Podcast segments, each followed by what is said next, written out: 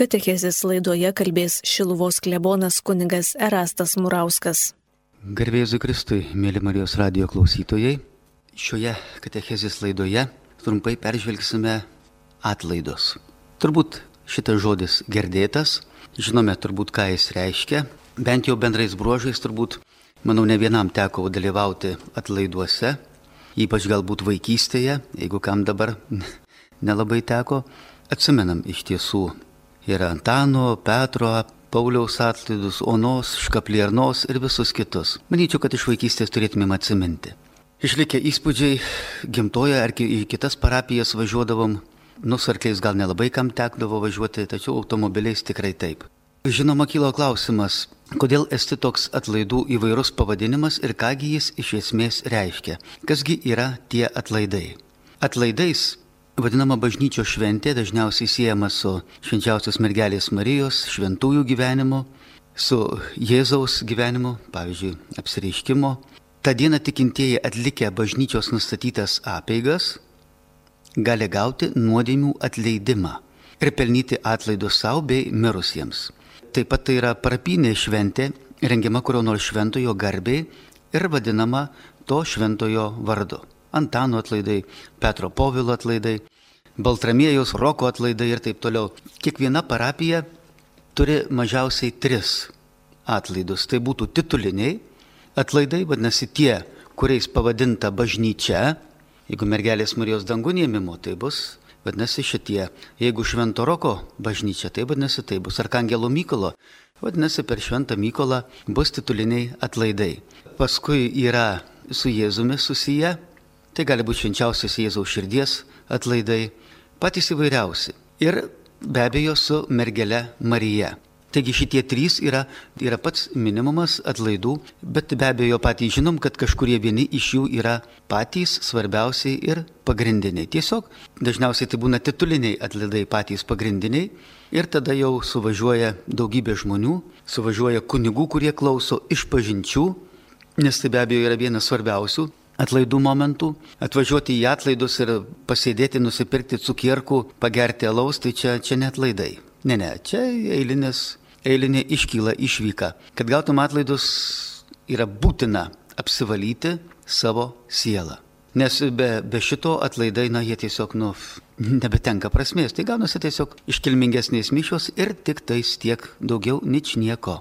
Techniškai kalbant, atlaidai yra laikinosios bausmės už nuodėmes, kurių kaltė jau panaikinta per išpažinti. Mes šitą kaltę panaikinam, tačiau laikinoji bausmė dar išlieka. Taigi šitos laikinosios bausmės atleidimas Dievo akivaizdoje. Ji gauna aiškiai nurodytomis sąlygomis, tinkamai pasiruošęs krikščionis, tarpininkaujant bažnyčiai kuri būdama atpirkimo vaisių dalintoje turi galę skirstyti ir suteikti atlyginimo malonę iš Kristaus ir jo šventųjų nuopelnų lobino. Paprastai pasakius, jeigu taip, kad jau čia aiškiau jums būtų, tai tarsi iš kokių ES pinigų gauni, taip sakant, susitvarkyti savo sielos namus. Tuos pinigus ES vadinasi kažkas sudėjo. Kitos šalys, kiti žmonės. Bet gauni tu juos ir jais gali pasinaudoti. Dievas šitą malonę duoda. Be abejo, ten didžiausia dalis yra ne kažkieno kito kaip Kristaus, bet į šitą lobyną gali įsijungti ir įsijungia ir šventieji, galime įsijungti ir mes. Kokiu būdu, neužilgo mes tai ir aptarsime. Atlaidai gali būti daliniai arba visuotiniai. Žiūrint, ar jie atleidžia tik dalį laikinosios bausmės už nuodėmės, ar ją visą. Atlaidai gali būti pritaikyti ir gyviesiems, arba mirusiems. Taigi atlaidų metu galime melsis už gyvuosius, prašydami, kad jie ištvertų šitoje žemiškoje kelionėje, arba už tuos jau, kurie yra Dievo akivaizdoje, amžinybėje, iškeliavo su savo klaidų likučiu. Kažką iš savo gyvenimo tašės dar neišmetė, pasilaikė savo. Nesvarbu, kad tai bebūtų puikybė, kerštas, neapykanta, pagėža, Svarbu atkreipti dėmesį, kad atlaidų pagrindas yra krikščionių darbai, o ne daiktai ar vietos.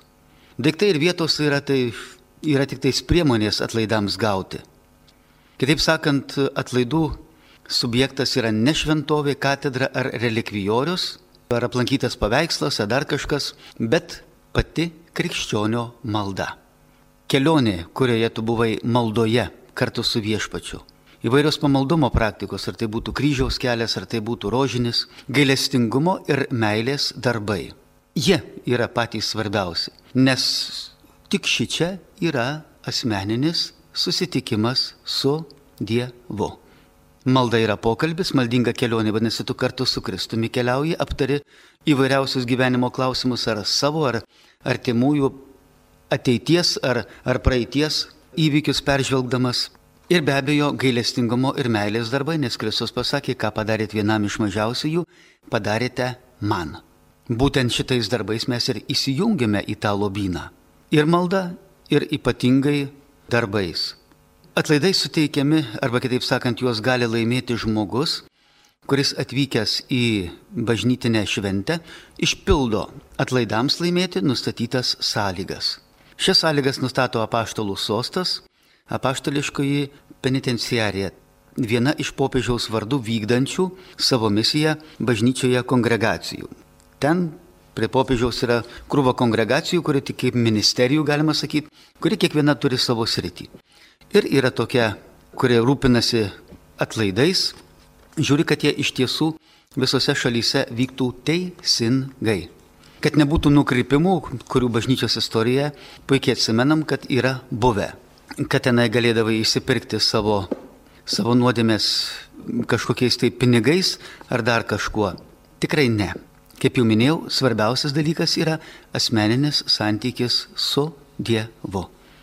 Maldoje arba gailestingumo darbuose. Atlaidus gali laimėti kiekvienas pakrikštytas, tai turi būti krikščionis, neekskomunikuotas, neekskomunikuotas vadinasi neatsiskyręs nuo bažnyčios, nes pavyzdžiui, va toks dalykas kaip e, abortas, žmogžudystė, tai tave atskiria automatiškai nuo bažnyčios. Tu jau atsiskyręs viskas. Jeigu šito dalyko neišpažinai, negavai atleidimo, vadinasi, automatiškai esi atsiskyręs. Ir žmogus dar turi ne tik būti pakrikštytas ir neekskomunikuotas, bet ir atlikęs įsakytus, nurodytus darbus ir esantis be sunkios nuodėmės. Turbūt atsimenam, kad lengvas nuodėmės mes galim panaikinti kada? Gaileščių per mišių pradžioje, kai būna gaileščio aktas. Prisipažįstu jums, broliai ir seserys, arba viešpatie pasigailėk, Kristau pasigailėk. Šitas dalykas yra būtinas. Mes šituo gaileščiu kuris turi be abejo būti nuoširdus, savo visas šitas nuodėmes pristatom į Dievo akivaizdą, nes išpažįstam, kad mes to blogio, kurį padarėm, neapkenčiam. Ir jeigu mes jo neapkenčiam, jis tada jau mums nepriklauso. Mums priklauso tai, ką mes savyje įteisinam. Dėl to ir išpažintis yra ne kažkas kitas kaip tiesa. Tiesiog tu nueini ir pats save ką darai nuteisi. Ištrauki visą bjaurastį iš savęs ir atiduodi į Dievo ranką sakydamas viešpatie, neapkenčiu to, ką esu padaręs. Ką sakau dabar. Ir visą tai tada Dievas paima ir sunaikina. Be abejo, visi tie dalykai, kuriuos tu buvai padaręs, pasiekmės josgi išlieka. Taip kaip tie žaizdą užgydė, operaciją sutvarkiai, bet randai tai liko.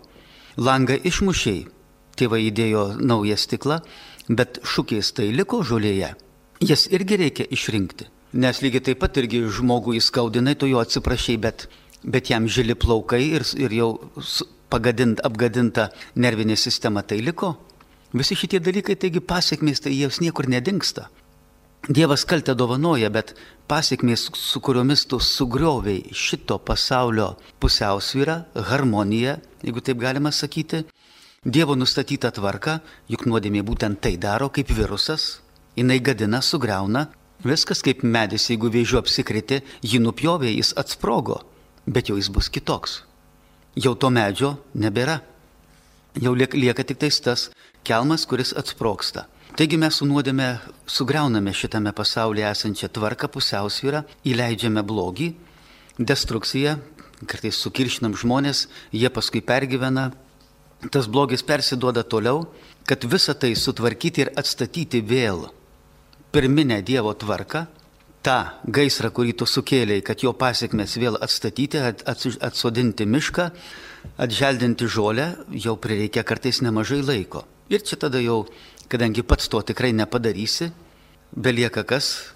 Tada imti iš, kaip sakiau, iš ES lėšų, imti iš Dievo lobino, kur yra Kristaus, šventųjų, apaštalų ir visų kitų e, tikinčiųjų sudėtos aukos, ar tai pasnikais, ar tai kančiomis, kurias žmonės paukoja, nes kančia turbūt yra daugiausiai, ką mes galime paukoti, juk kančia tai yra vienintelis dalykas, kuris yra mano nuosavybė.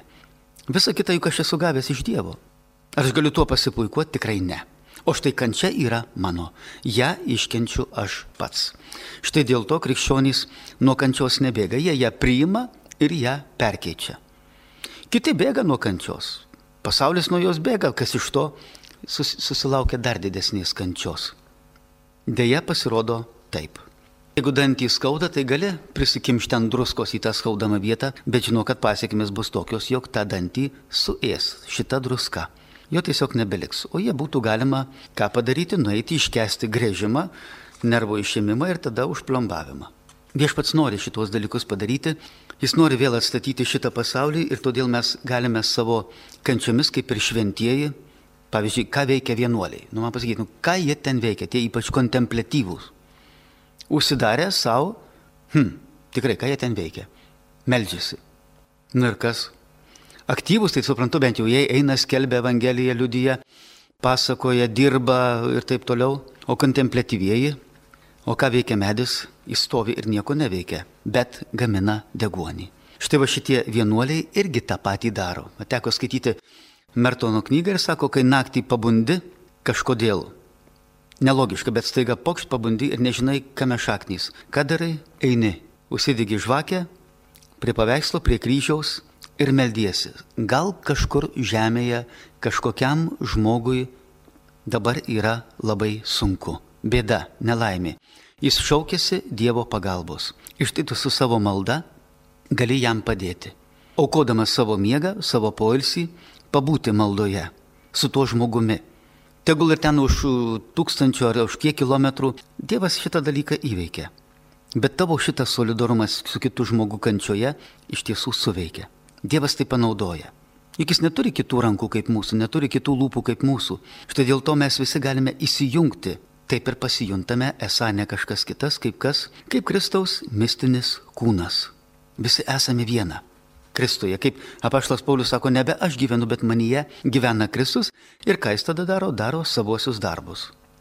Ir Paulius matom, kad iš tiesų ir kentėjo daug viską, nes tai, ką jis sugriovė, būdamas dar tada fariziejus, Saulis, paskui teko savo kančią atstatyti. Žinoma, tai buvo tik tais maža dalis, kuo jis galėjo prisidėti, bet jis visgi prisidėjo. Jis pakeitė savo gyvenimą. Jis tada jau viską atidavė į Dievo rankas. Taigi atlaidus gali laimėti pakrikštytas, neekskomunikuotas, esantis vienybėje su Dievu ir atlikęs nustatytos darbas be sunkios nuodėmės esantis žmogus.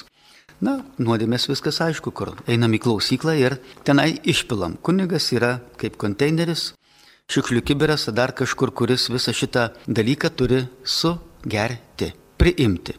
Na, nu, ką padarysi, yra toks darbas, nes ten iš tiesų niekas gražių dalykų nepasakoja, pasakoja tik pačius blogiausius, bet teisėjas esi tu pats savo. Išpažintis yra ta nuostabi Dievo malonė, kada ne, ne šitas, ne Dievas, ne kunigas yra teisėjas, bet tu pats gali būti savo teisėjas. Teismas įvyko, viskas yra tvarka. Visuotiniams atlaidams laimėti Reikia įvykdyti atlaidais pažymėtą darbą ir išpildyti tris sąlygas. E, atlikti išpažinti, priimti šventąją komuniją ir pasimelsti popiežiaus intenciją. Tai reiškia ne už popiežių pasimelsti, bet e, popiežius kiekvieną mėnesį paskelbė intenciją, už ką bažnyčia turėtų ypatingai melstis. Štai šitą intenciją ir pasimeldi. Net jeigu ir nežinai, tiesiog meldiesi tada popiežiaus intenciją. Be to reikia padaryti pasiryžimą nebedaryti jokių net ir lengvų nuodėmių. Įjungti valią ir apsispręsti, kad nutraukiu. Ypač jeigu, jeigu tu žinai, kad turi prisirišimą prie kažkokių tai nuodėmių, kažkam netleidęs, nesusitaikęs, skolingas ar dar kažką, viskas, vadinasi, apsisprendi, kad šito dalyko daugiau nebus. Tavo troškimas tada padeda veikti Dievo maloniai. Jeigu šito troškimo nėra, tai kas iš to? Jeigu automobilio nėra, turi baką benzino, nu, ant to bako apsižergęs nenuvažiuosi. O jeigu automobilį turi, tada jau gali prisipylęs savo drąsiai važiuoti. Galbūt teko matyti tokį filmuką Mažylis, krikščioniškas filmas, kaip vaikas, jo tėtis žuva kare, bent jau tai praneša oficiali karinė tenai tarnyba, bet jis tuo nenori tikėti. Ir jis meldžiasi. Ir jam kunigas sako, padaryk septynis gailestingumo darbus. Ir jis tuos septynis gailestingumo darbus daro, visiškai pasitikėdamas tėčiu, kuris jam tą tikėjimą išugdė jame, kad tikinčiam nieko nėra neįmanomo. Ir galite pasižiūrėti, kaip jis tuos gailestingumo darbus vykdo. Na, manau, kad verta šitą filmuką pasižiūrėti. Yra lietuvių kalboje. Mažylis. Verta pasižiūrėti. Taigi, kiekviena bažnyčia turi savo visuotinių maldų, visuotinių atlaidų tvarką. Štai pavyzdžiui, tokia žemaičių kalvarija, į visuotinius atlaidus gali laimėti, kaip ir įprasta, išpažintis, e, komunija, pasimeldė popiežiaus intenciją, atsisakai bet kokios lengvos nuodėmės, dalyvauja šventose apieigose, ar bent viešai sukalbi viešpaties maldą tėvę mūsų ir tikėjimo išpažinimą. Ir tai galime padaryti šitoje šventovėje per šventųjų apaštalų Petro ir Pauliaus iškilmę, per bazilikos titulo iškilmę gegužės 31, kiekvienais metais Liepos 2.12, kai vyksta didieji atlaidai, kiekvieno mėnesio antrą dieną arba vieną kartą per metus kiekvieno tikinčio laisvai pasirinktą dieną. Arba tiek kartų, kiek su piligrimais keliausi pasimersti į Žemaičių kalvariją.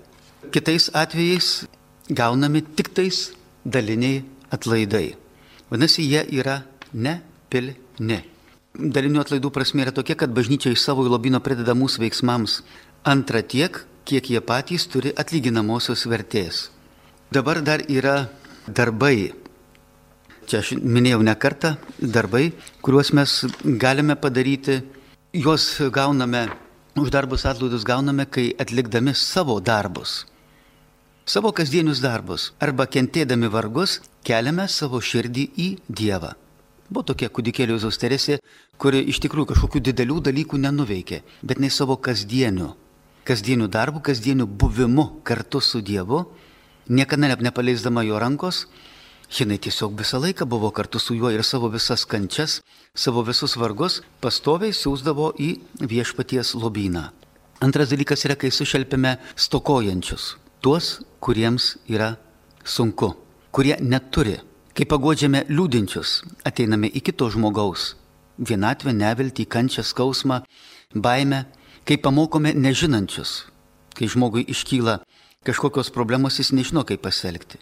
Mes melžiamės, prašom, kad Dievas mums padėtų susigaudyti, kad teisingai pamokytumėme ir tada iš savo patirties arba iš šventųjų gyvenimo patirties arba net iš artimųjų žmonių patirties padedame, kad tam žmogui staiga sugrįžtų viltis. Nes kai viltis yra, žmogus gyvas, kai vilties nėra, žmogus jau tiesiog nebegyvas. Na ir kai atgailos mintimi išsižadame kokio nors malonumo.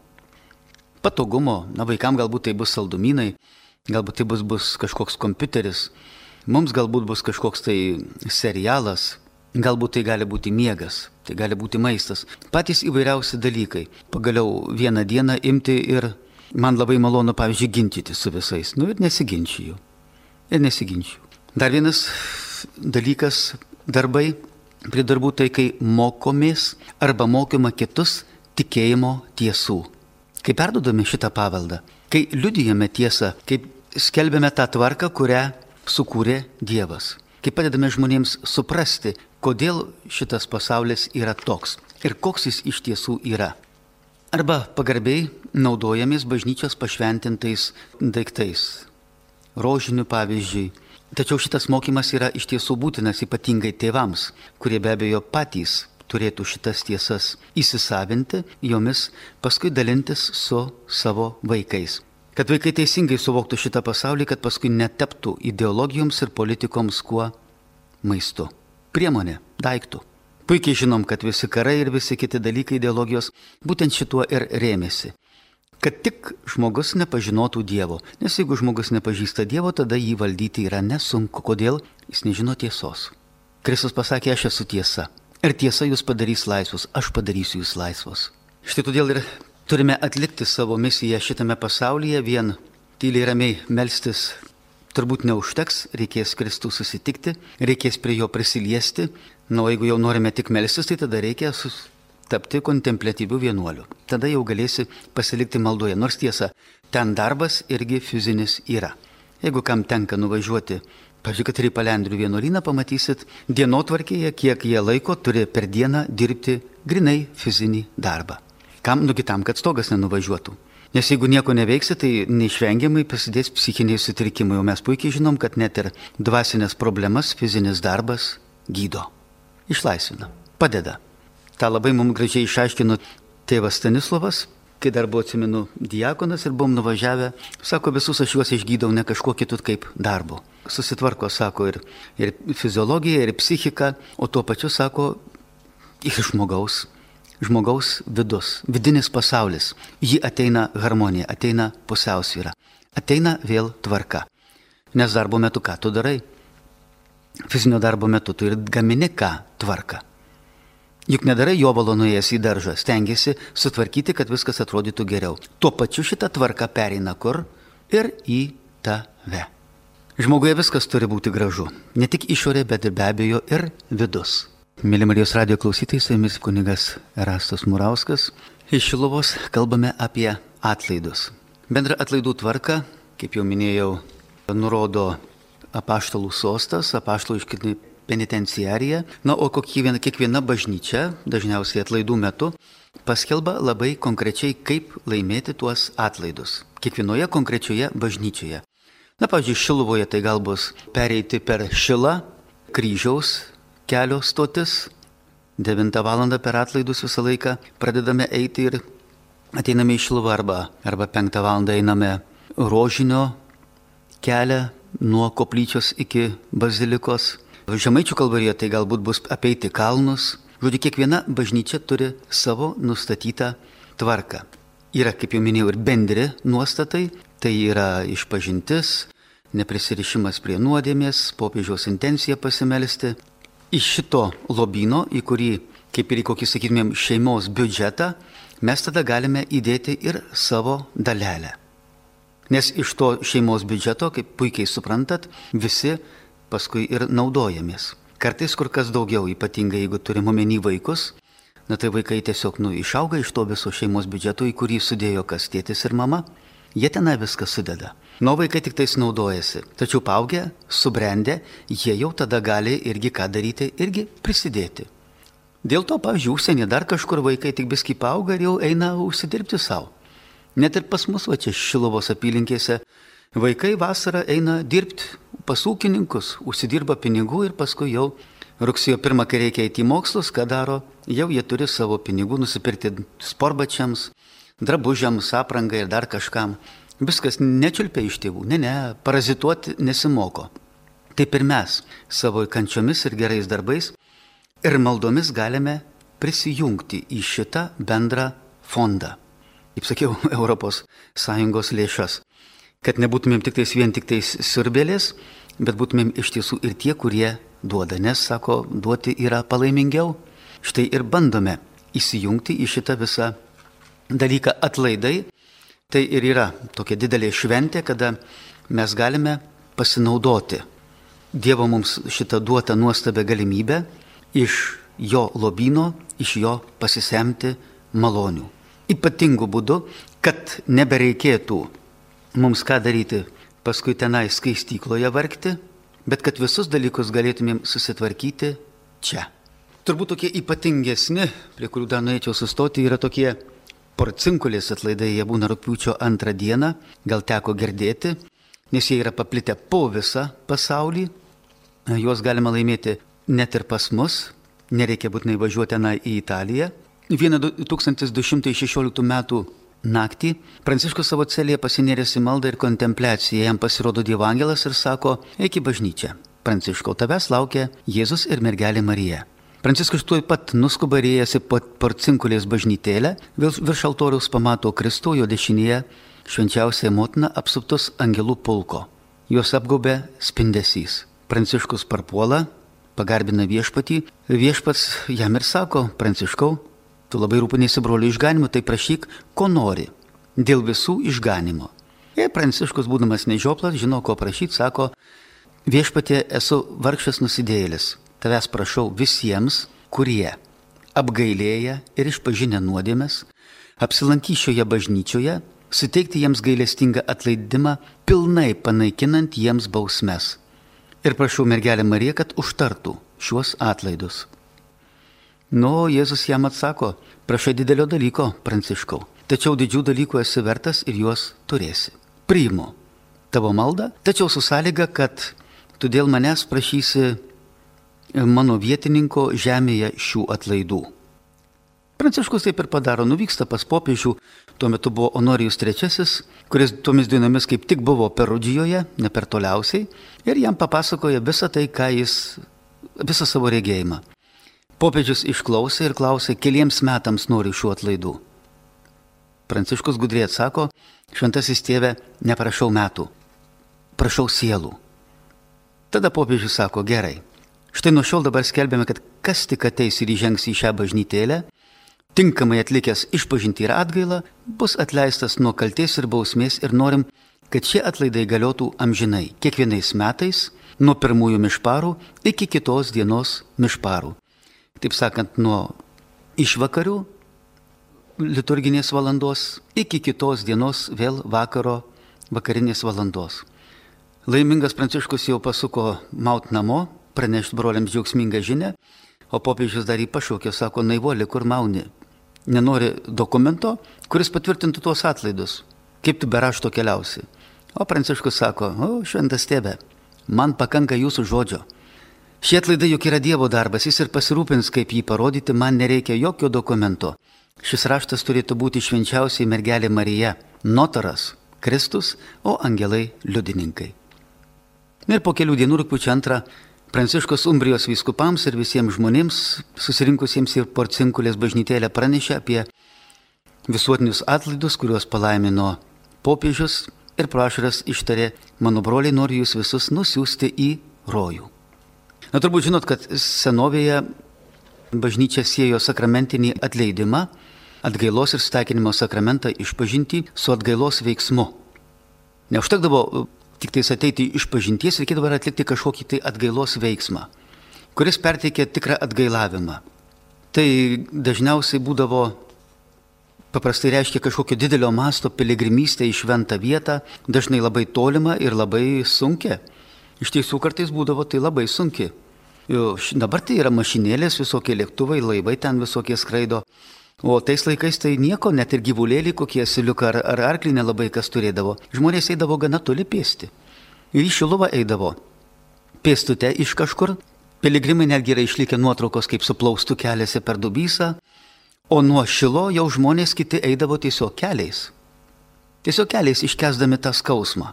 Nu, man atrodo, tai gal toks biskino, kaip kažkaip taip, nu, nei šis, nei tas. A, nieko tokio. Sik ir aš pabandžiau aplink koplyčią apeit keliais, plikais, nu kiekgi čia tos koplyčios yra, nu ten keliais apeit ratą, ale pasirodo, žinai, matai, keliai buvo nepratę prie, ten gana minkšta oda, kulnai tai jie jau sukietėję yra, o ten oda minkšta ir vaikelė tai prasibrūžino iki, iki kraujo vieną ratą tik tai sapėjus.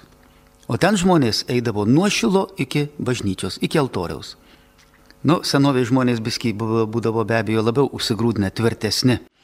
Dabar tai tokie visi pavėpę, dėl to kinestezologai ir kaip jie ten tie vadinasi, nu, darbo turi sočiai pakankamai ir atrodo ateityje šito darbo daugės.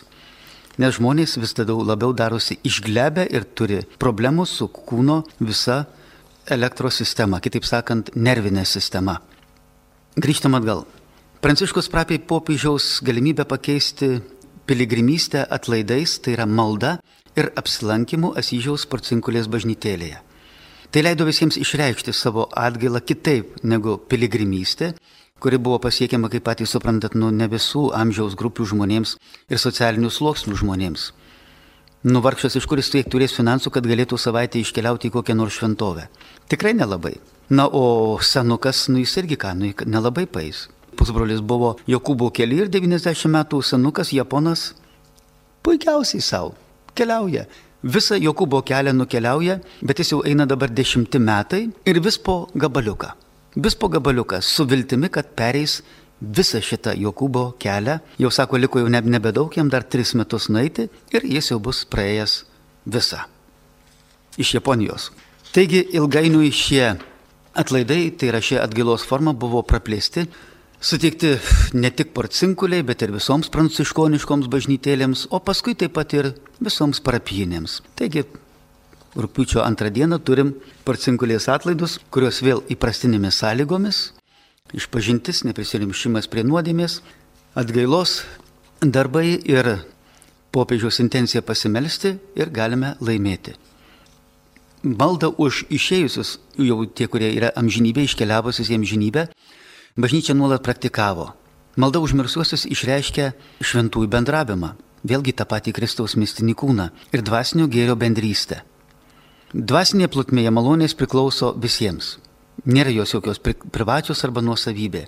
Kito gėris tampa ir manuoju gėriu, o manasis tampa kito. Jeigu pas mane sodas žydė, tai gražu ir kaimynui. A jeigu pas mane, taip sakant, kanalizacija išsiliejo, dvokia ir pas kaimyną niekur tu nedingsi, mes visi susiję. Holistika čia yra neišvengiamas dalykas, mes visi esame susijęti ryšiais ir santykiais, tu negali užsidaryti pats. Visiškai savyje ir, ir nebūti šalia kito žmogaus. Šiaip tai šitas dalykas vadinasi autizmas. Bet, bet tai jau yra lyga, o mes neišvengiamai turime būti su kitu žmogumi. Ir visas šitas gėris bažnyčios ir mūsų yra bendras ir slypi Kristuje. Svarbu, kad iš mūsų tekėtų gėris kad iš mūsų Dievo dvasia sklistų ir užkrėstų kitus.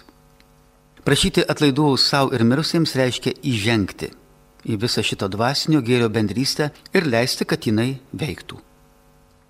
Taigi atlaidai nėra nuodėmių atleidimas, kurį mums suteikia išpažintis, tačiau gydo mūsų sužeidimus ir žaizdas, kurias jau atleista nuodėmė paliko mumyse. Patys puikiai suprantat, kad na pasiekmės tai lieka. Pasiekmės tai lieka, užstringa, kol viskas susitvarko, užtrunka netgi ir po kokios žiūkit operacijos, jinai pasisekė, viskas tvarkoj.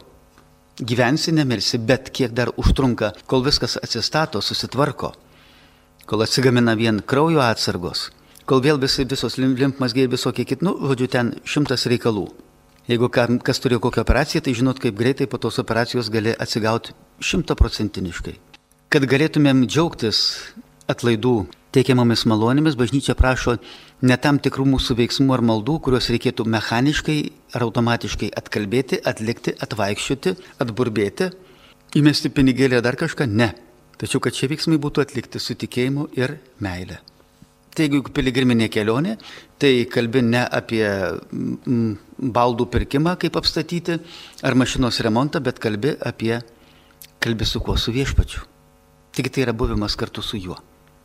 Šita kelionė reiškia buvimą kartu su juo. Prabėgi savo gyvenimo kelią, klausi pas viešpatį, svajoji, ginčijasi.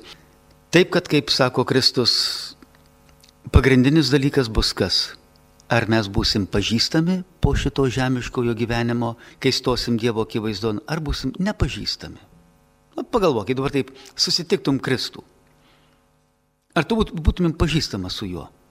Ar būtum su juo kalbėjęs, ginčėsis, guodėsis, prašęs, klausęs, gal jam kažkokios pagalbos iš tavęs reikia, tavo rankų, akių, kojų ar dar kažko? Ar buvo toks dalykas tavo gyvenime? Jeigu šitas buvo, jeigu gyvenai su juo, vadinasi viskas tvarkoje. Jeigu ne, tada viskas yra nulis. Tada yra bėda, nes išgirsti iš Kristaus, atleisk, aš tavęs nepažįstu, turbūt būtų baisiausia frazė. Išgirsta per visą tavo žmogišką įbuvimą.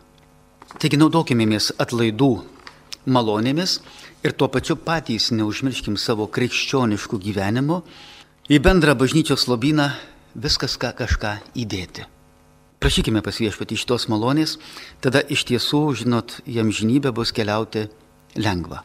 Ne tik jam žinybė, ir čia žemėje bus lengva gyventi, nes tada visų savimi jausi, jog esi taikoje su Dievu, su žmonėmis ir su savimi.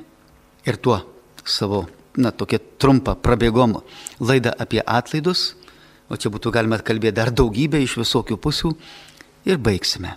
Su jumis buvo kunigas Rastas Murauskas iš Šilovos.